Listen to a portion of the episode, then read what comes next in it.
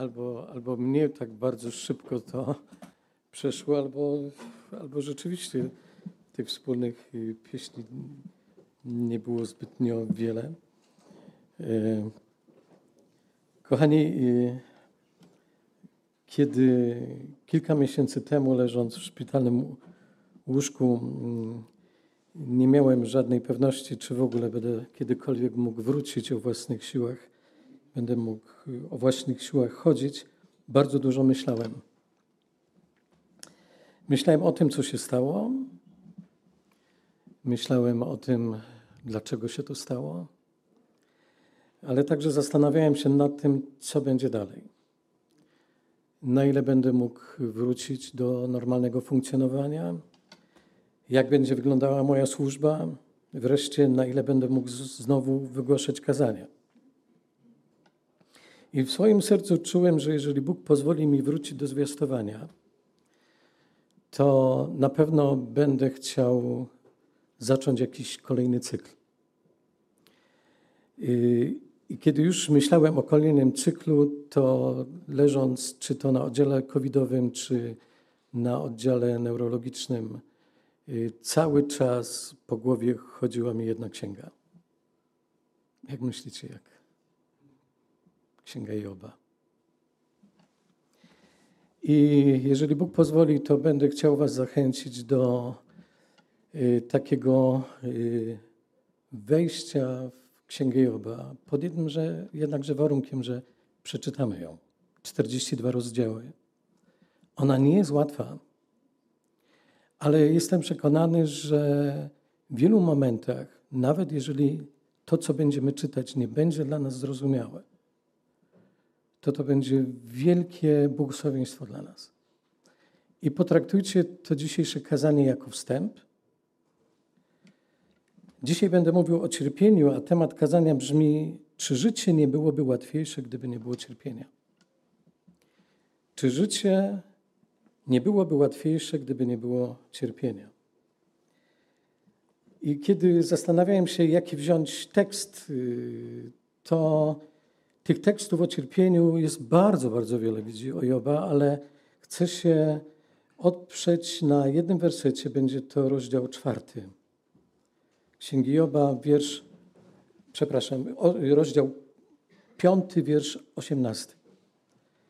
Rozdział piąty, wiersz osiemnasty, strona 551, 551 i tam y, czytamy bo on rani, ale je opatruje. Uderza, lecz jego ręce leczą. W tłumaczeniu Biblii Tysiąclecia y, ten tekst, y, ten werset brzmi następująco. On bowiem zrani, ale i opatrzy, uderzy, lecz także uzdrowi swą ręką.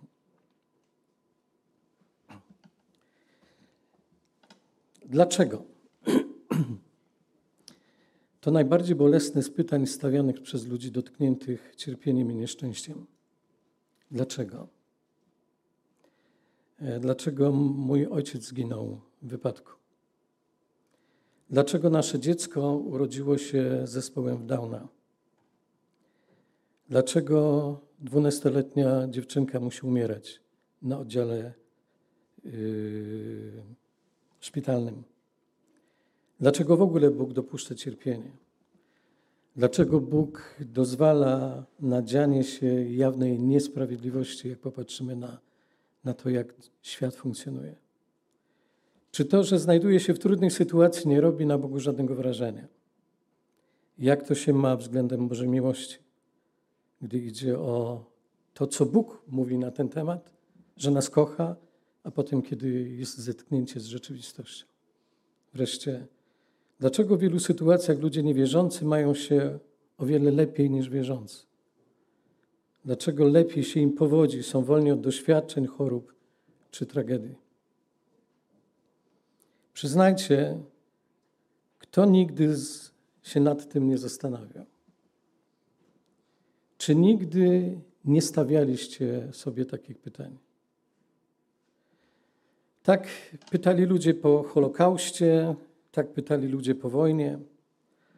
I podobnie brzmiące pytania znajdujemy w wielu miejscach Biblii. Habakuk pyta w pierwszym rozdziale: Dlaczego dopuszczasz, bym patrzył na złość i spoglądał na bezprawie? Jeremiasz pyta: Dlaczego życie bezbożnych upływa szczęśliwie i bezpiecznie, czują się wszyscy wiarołomni? 12 rozdział. Wreszcie Asaf ma wątpliwości, mówiąc: Oto takimi są bezbożni, zawsze szczęśliwi, gromadzący bogactwa. Albowiem co dzień znoszę ciosy, jestem smagany każdego rana. Kochani, Biblia nigdy nie oferuje nam łatwych odpowiedzi na pytanie, jak traktować cierpienie. Jeżeli ktoś z Was spotka się z kimś, z jakimś stwierdzeniem, że w temacie cierpienia ma bardzo dokładne, bardzo mądre, bardzo przekonywujące odpowiedzi, to powiem Wam, że słuchając takich wypowiedzi od razu wymiękam, bo rzeczywiście Boże Słowo nie oferuje łatwych odpowiedzi na pytanie, jak traktować cierpienie. Natomiast mobilizuje nas do jednej rzeczy, albo inaczej, do kilku rzeczy. Jak możemy sobie z tym poradzić i jakie wnioski możemy wyciągnąć w sytuacjach, kiedy albo my sami znajdujemy się w takich momentach, kiedy cierpimy, albo będąc zupełnie bezbrodni, patrząc na tych, którzy cierpią, kiedy czujemy się bezsilni.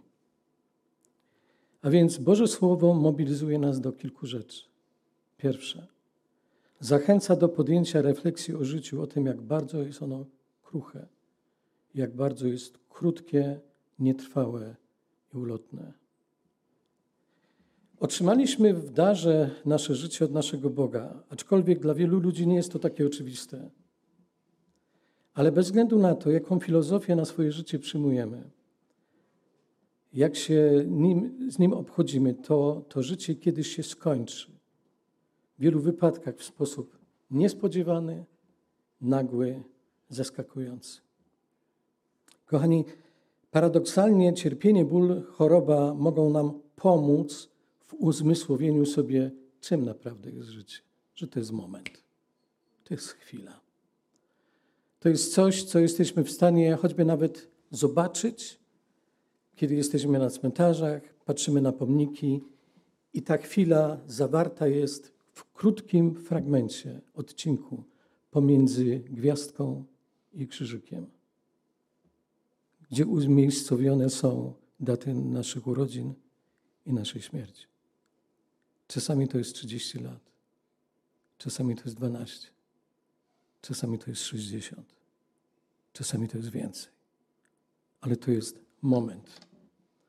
I w takim też znaczeniu przedstawia je Boże Słowo, posługując się określeniami takimi jak para, trawa, namiot, cień, tchnienie.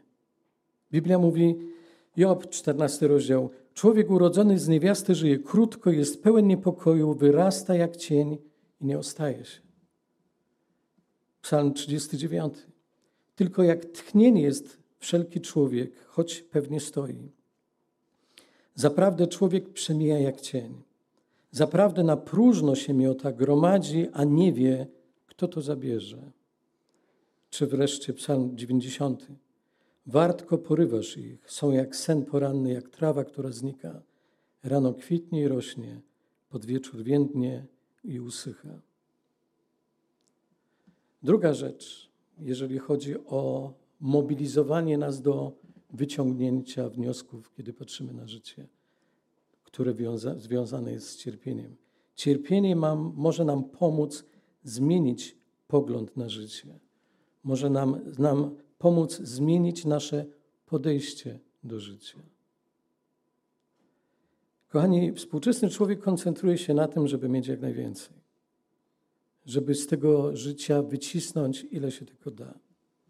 Specjaliści mówią, że w tej materii nieco zmieniła się, że co nieco zmieniła pandemia, ale zobaczymy, na ile ta zmiana będzie trwała, jak krótko ta zmiana będzie trwała, jeżeli Bóg pozwoli, że wrócimy do normalnego funkcjonowania. Bardzo często jest tak, że w swoim życiu podejmujemy pewne decyzje, a potem, kiedy oswajamy się z normalnością albo coś wraca do normalności, zapominamy o zobowiązaniach, zapominamy o jakich wnioskach. Kochani, nieraz dopiero cierpienie, ból czy choroba są w stanie doprowadzić do przewartościowania priorytetów i uzmysłowienia sobie, co naprawdę w tym naszym życiu jest najważniejsze. Każdy z nas potrzebuje takiego resetu i poukładania, przewartościowania na nowo. Kiedy ostatni raz zdarzyło Ci się takie zresetowanie w życiu? Ciągu tego półtorej roku miałem wiele możliwości do resetu i do zastanowienia się, co tak naprawdę w życiu jest najważniejsze. Jeżeli odkładałeś tę decyzję w kontekście resetu życia i zastanowienia się, co w tym życiu jest najważniejsze, to zachęcam Cię do tego, żeby to zrobić, póki jest taka możliwość. Że nie jest najcenniejsze to, co posiadam, czym mogę zaimponować innym, że tu wcale nie chodzi o moją spo pozycję społeczną czy o uznanie. Nie to stanowi cel i sens naszej ziemi, ziemskiej egzystencji. Ale o co chodzi?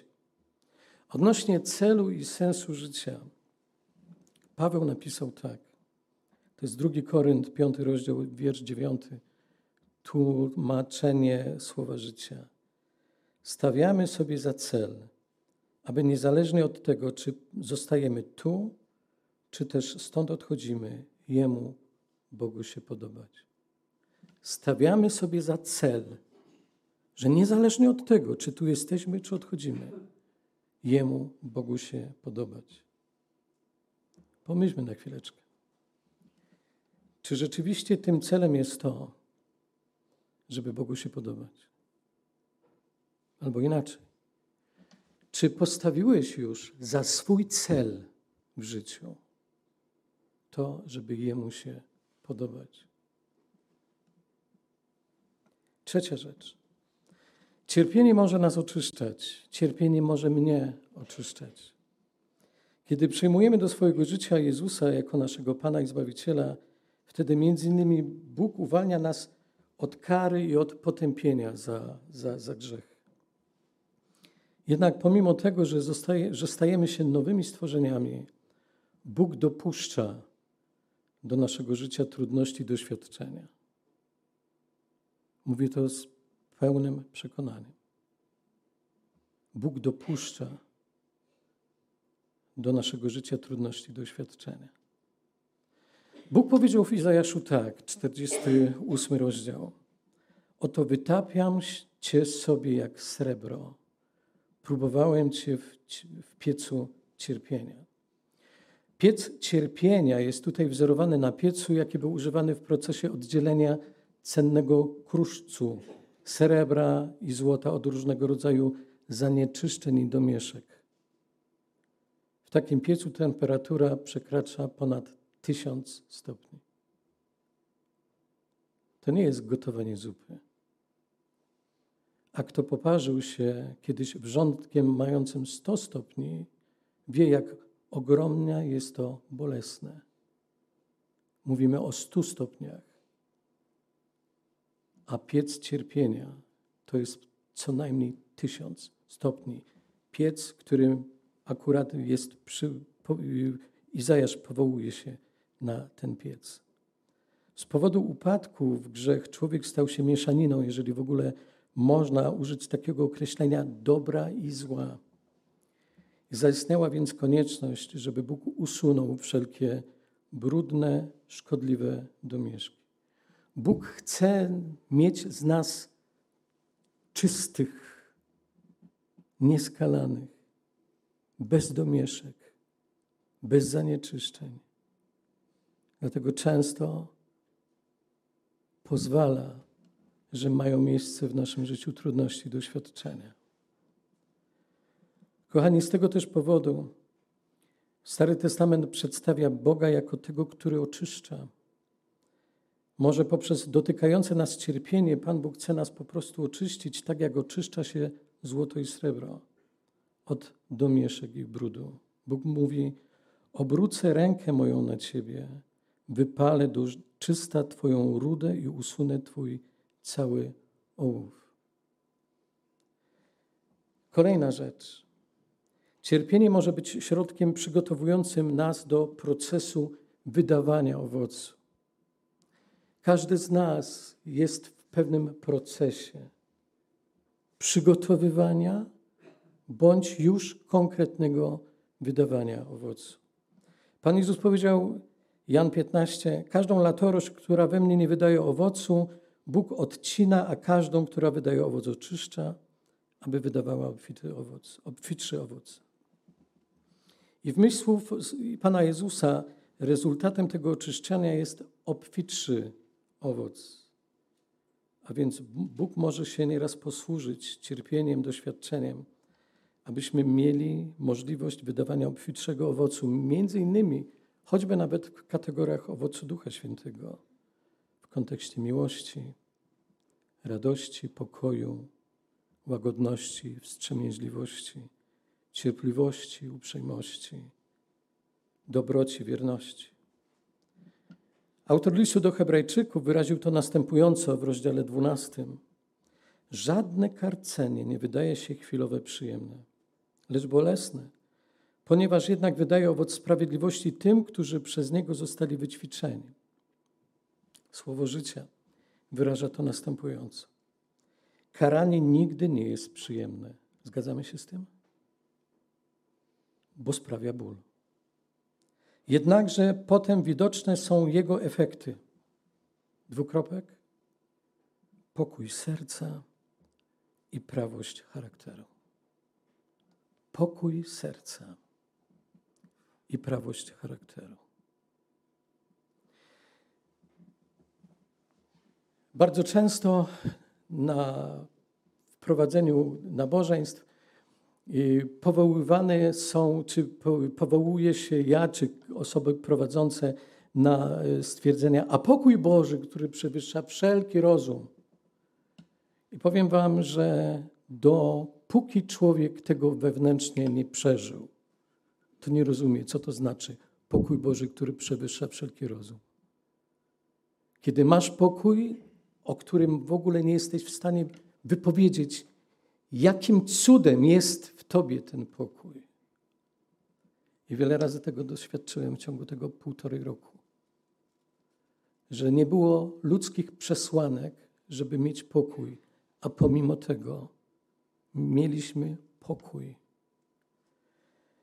Kochani, pokój serca i prawość charakteru. Dalej, Cierpienie może być środkiem do, do doskonalenia nas. W 5 Mojżeszowej, 32 rozdziale czytamy, jak orzeł pobudza do lotu swoje młode, unosi się nad swymi pisklętami, rozpościera swoje skrzydła, bierze na nie młode i niesie je na lotkach swoich. Czasami można zobaczyć filmy przedstawiające, jak orły uczą swe młode sztuki latania. Kiedy młode, siedzące w gnieźnie i przyzwyczajone do wygodnego życia są już odpowiednio dojrzałe, dorosły rodzic, orzeł, zaczyna potrząsać zbudowanym na wysokiej skale gniazdem tak długo, aż wreszcie orlęta zaczną z niego wyłazić, zaczną wypadać. Można sobie wyobrazić, jakiego szoku doznają młode, kiedy widzą, jak się zmieniło zachowanie jego rodzica. Nagle ten kochający i troskliwy opiekun, który przynosił codziennie pokarm, staje się wobec nich nieczuły. Nie dość, że trzęsie ich gniazdem, to jeszcze je z niego wyrzuca. Kim właściwie są? Rodzicem czy drapieżcą? Kochani, w, w obliczu problemów czy cierpienia często wyciągamy pochopne wnioski. Czy Bóg naprawdę mnie kocha? Czy jemu naprawdę na mnie zależy? Dlaczego do tego dopuszcza? A na przykładzie orła widać, że rodzic nie niszczy gniazda, ale jedynie nim potrząsa.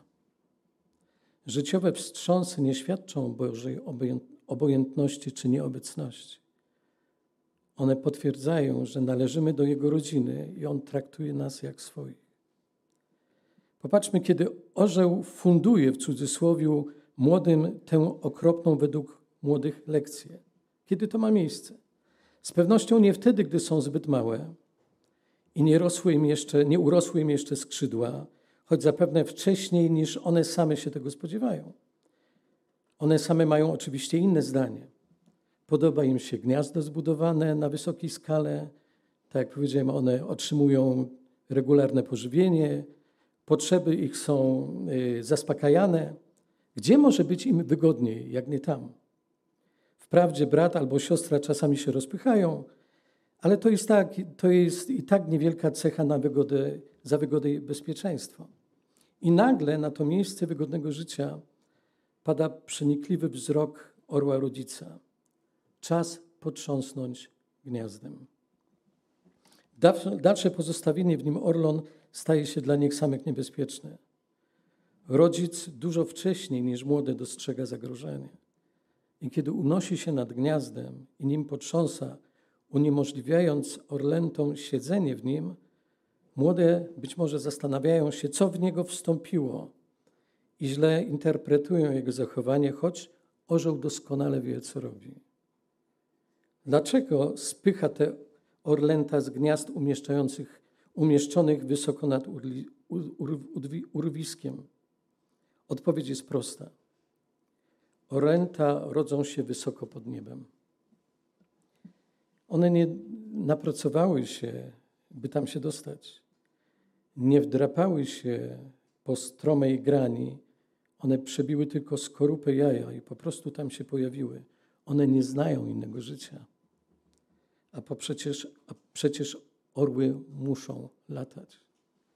Rodzą się po to, by zawładnąć przestworzami nie są żadnymi indykami czy gdaczącymi kurami, by biernie spędzać całe życie w jednym kurniku czy na jednej grzędzie.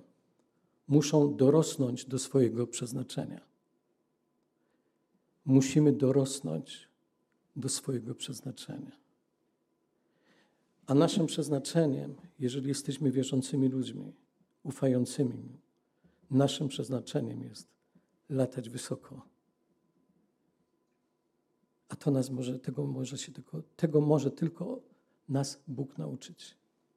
Kochani, nie przeoczmy opiekuńczego aspektu tego wydarzenia. Czasami, kiedy nam jest naprawdę ciężko, pytamy, gdzie jest Bóg. Może nie jeden z Was zadawał to pytanie. Czy nie widzi, że jestem u kresu sił? Czy nie widzi, że moje życie nagle może się roztrzaskać? A tymczasem, kiedy jest naprawdę źle lub niebezpiecznie, oko orła śledzi młode bardziej uważnie niż zwykle. On jest zawsze blisko, gotowy nieść, nieść pomoc. Jeszcze raz powołam się na to słowo z piątej Mojżeszowej. Unosi się nad swymi pisklętami, rozpościera swoje skrzydła, bierze na nie młode i niesie na lotkach swoich. Kochani, jeden z wierzących ludzi powiedział tak. Patrz na doświadczenia, przez które przechodzisz jak na Boże rydwany posłane po to, aby przenieść Twoją duszę na wyżyny duchowe. Patrz na doświadczenia, jako na Boże rydwany wysłane po to, by przenieść Twoją duszę na wysokie wyżyny. Można to również y, ująć tak, że Bóg dopuszcza cierpienie w naszym życiu, aby nas na duchowo czynić bardziej dojrzałymi. Piotr pisze tak. A Bóg wszelkiej łaski, który nas powołał do wiecznej swej chwały w Chrystusie, po krótkotrwałych cierpieniach waszych, sam was do niej przysposobi, utwierdzi, umocni, na trwałym postawi gruncie. Tu w tym y, tekście słowo greckie, które przez tłumaczone jest jako przysposobić, może również znaczyć udoskonalić. Bóg nas chce utwierdzić, udoskonalić. Dlaczego? Właściwy charakter człowieka kształtują nie te miłe, przyjemne chwile, obyśmy ich mieli jak najwięcej, ale właśnie doświadczenia i trudności. Właściwy charakter duchowy kształtują nie te miłe chwile, bezproblemowe, obyśmy ich mieli jak najwięcej, ale właśnie doświadczenia i trudności. Bo przez doświadczenia i trudności hartujemy się, nabieramy doświadczenia potrzebnego do życia, nabieramy też zdrowego dystansu do samych siebie. Kochani, wielu znanych ludzi, nieraz z pierwszych stron gazet, których byśmy nie podejrzewali o jakąkolwiek relację z Bogiem, po ciężkich chorobach, kryzysach, mówiło, że ten trudny okres, jaki musieli przechodzić, pozwolił im zweryfikować spojrzenie na życie odkryć nowe wartości w życiu, spokornieć. Niejedni przyznawali, że pomogła im w tym wszystkim wiara, relacja z Bogiem. Nieżyjący już dziennikarz, bardzo mądry człowiek, Grzegorz Miecugow, opowiadał o sobie tak. W ogóle się nie uczyłem i tak byłem najlepszy. Byłem po prostu rozpieszczonym bachorem. Uratowało mnie harcerstwo. Po czwartej klasie pojechaliśmy na obóz. Przez 8 kilometrów nieśliśmy ciężkie plecaki, które kończyły nam się na łydkach. Trzeba było rozbić namiot, zbudować latryny, przygotować jedzenie. Dla rozpieszczonego bachora to była prawdziwa szkoła życia. Kochani, jesteśmy często podobni. Jesteśmy podobni rozpieszczeni, chwiejni brakuje nam równowagi, utwierdzenia wierze. Jednego dnia wznosimy się ponad wszelkie okoliczności. Innego dnia to te okoliczności górują nad nami. Kiedy przychodzi niepowodzenie w realizacji naszych planów, choroba, tragiczna lekarska diagnoza, wtedy pojawia się też rozpacz, przygnębienie i pytanie, dlaczego Bóg na to pozwolił. Kochani, przez cierpienie, problemy, próby Bóg chce sprawić, by nasze chrześcijańskie życie nie było zależne od okoliczności. Przez cierpienie, problemy, próby Bóg chce sprawić, żeby nasze chrześcijańskie życie, nasze zaufanie nie było zależne od okoliczności. On chce nas wzmacniać. Bo to właśnie próby doświadczenia wzmacniają i sprawiają, że łatwiej jest stawić czoło każdej następnej próbie, następnemu doświadczeniu. A kiedy przychodzą na nas coraz trudniejsze doświadczenia, wtedy rzeczywiście okazuje się, że z Bożą pomocą możemy to znosić. Nie w oparciu o swoje siły, ale z Bożą pomocą. I wreszcie na koniec, właściwie może powinienem od tego zacząć. Cierpienie może być Bożym środkiem kruszenia, rozbicia mojego ja. Cierpienie, doświadczenie może być Bożym sposobem na skruszenie mojego ja, rozbicie mojego ja. Kochani, każdy wierzący człowiek musi się nauczyć, co znaczy nie ja, ale Chrystus. Jak to łatwo jest mówić. Nie ja, ale Pan Jezus. Kochani, wie, każdy wierzący człowiek musi przekonać się co do prawdziwości słów Pana Jezusa, bo beze mnie nic uczynić nie możecie. Kiedy dopisuje nam zdrowie i wszystko układa się po naszej myśli, przypisujemy to sobie. Ale kiedy nagle choroba, cierpienie nas powala, powala, gdy nasze życie jest zagrożone, gdy wszystko zaczyna nam się walić na głowę, odkrywamy, że jesteśmy mali, że jesteśmy słabi i że nie radzimy sobie z życiem. Prezydent Stanów Zjednoczonych Abraham Lincoln powiedział: Przeciwności, cierpienia, trudności nie czynią nas słabymi. One pokazują nam jedynie, jak słabymi jesteśmy.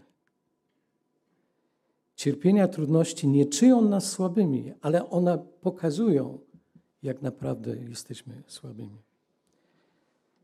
Kochani, w sytuacjach trudnych zauważymy, że z tego naszego ja zaczyna nagle ulatać powietrze.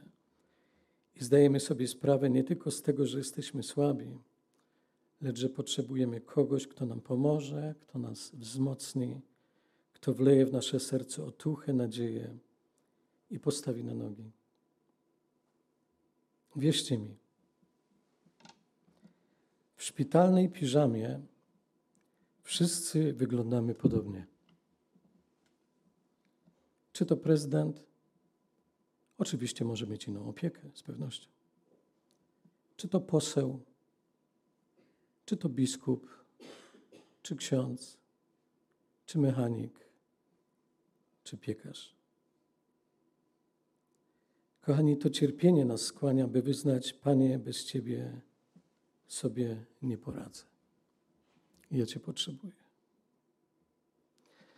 Może ktoś z nas znajduje się teraz w takim momencie, kiedy mamy już na tyle odwagi, że potrafimy przyznać się przed samymi sobą: Ja już sam nie jestem w stanie sobie poradzić.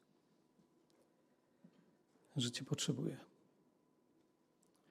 Kochani, jeżeli w naszym życiu znajdzie się taki moment, to to jest to, o co najbardziej chodzi. Że ja sobie już nie jestem w stanie poradzić. Że Cię potrzebuję. Ktoś powiedział, możemy nie być odpowiedzialni za wszystkie rzeczy, które się nam przydarzają. Jednakże jesteśmy odpowiedzialni za to, jak się zachowujemy, gdy one, nas, gdy one następują. Możemy nie być odpowiedzialni za wszystkie rzeczy, które nam się przytrafiają, jednakże jesteśmy odpowiedzialni za to, jak się zachowujemy, gdy one nastąpią. Zachęcam każdego z Was, zanim będę się modlił, żebyśmy, mając świadomość, z kim mamy do czynienia, w sytuacji, w której każdy z nas się znajduje, może jesteś w środku czegoś, co się dzieje i nie jesteś w stanie sobie już z tym wszystkim poradzić. Może jest to dla ciebie tylko na razie, nie powiem fikcja, ale coś, czego nie doświadczyłeś jeszcze w życiu. Ale ja chcę każdego z nas zachęcić do tego, jeżeli tego żeśmy jeszcze nie zrobili, albo owszem, mówiliśmy to, ale dawno już tego nie było. Panie, bez Ciebie sobie nie poradzę. Ja Cię potrzebuję. Zachęcam do tego, byśmy mogli spędzić ten czas kilkunastu sekund na takie powiedzenie Bogu to, o czym On doskonale wie, gdy chodzi o naszą sytuację. A ja później będę chciał zakończyć w głośnej modlitwie. Pochylcie głowy, zamknijcie oczy.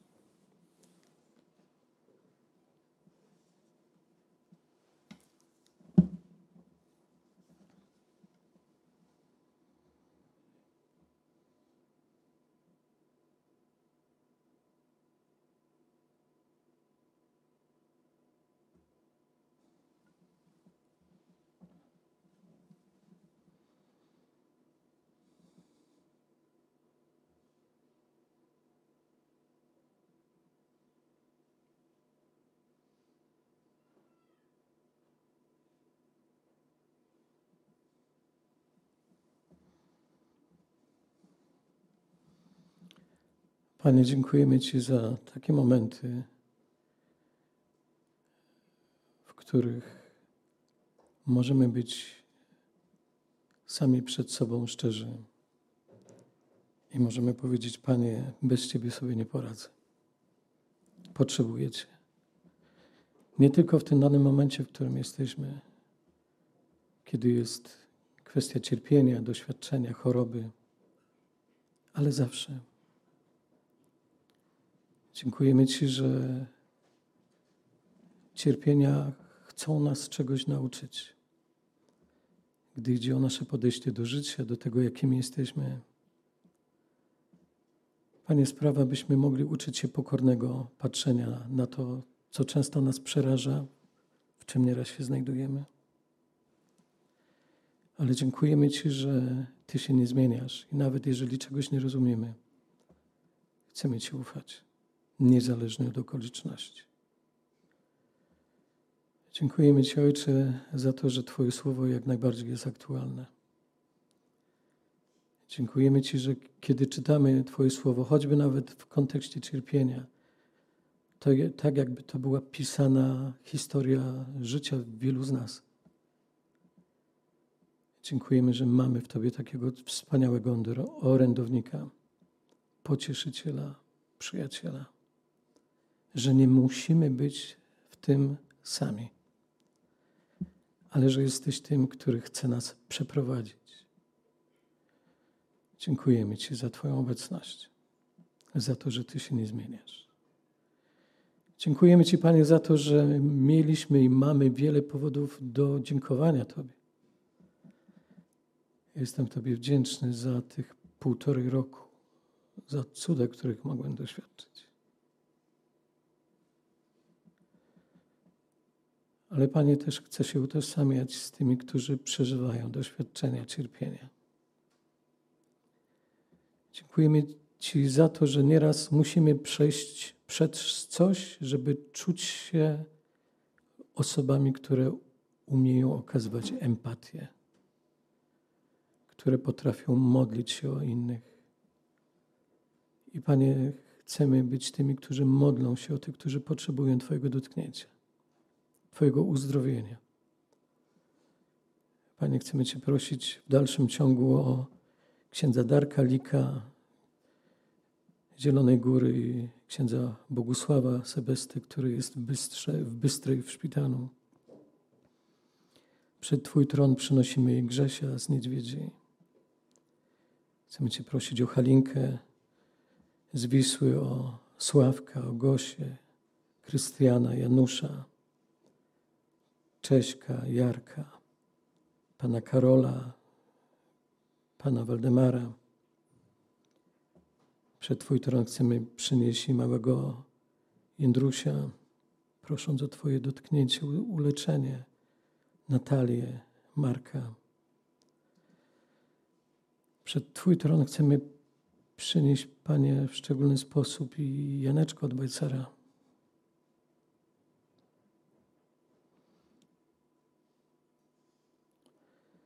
Jesteś tym najlepszym lekarzem. Jesteś Bogiem cudów. I Panie, tak powołując się na to, jaki jesteś, powierzamy ją w Twoje ręce, prosząc o Twój pokój, Panie. Ty wiesz, czego potrzebuje, a my chcemy modlić się o to. W Twoje ręce chcemy polecić i Alicję, i, Kasię z. Chcemy polecić tych, o których może jeszcze nie wiemy ale Panie spraw, żebyśmy byli, mieli takie wyczucie i jeżeli będziemy słyszeć o ludziach, którzy walczą z cierpieniem, z chorobą, abyśmy byli tymi, którzy modlą się i wstawiają w murze za tych ludzi. Jesteśmy Tobie, Panie, też wdzięczni za dowody Twojej wielkiej miłości. Też, Panie, chcemy korzystać z przywileju modlenia się o innych, o tych, którzy potrzebują Twojego pocieszenia. I całą rodzinę bujoków, Panie, tych sześć córek z mężami, syna z żoną, z całymi rodzinami. Oddajemy też Twoje ręce, prosząc o Twoje wyciszenie, Panie, o Twoje podniesienie, o Twoje ukojenie. Dziękujemy, że możemy modlić się o Twoje nie tylko zmiłowanie, ale Panie o Twoje takie przebywanie przy nas bez względu na okoliczności. Tobie chcemy oddawać chwałę. A chcemy się o to modlić, Ojcze, przez Pana Jezusa w mocy Świętego Ducha. Amen.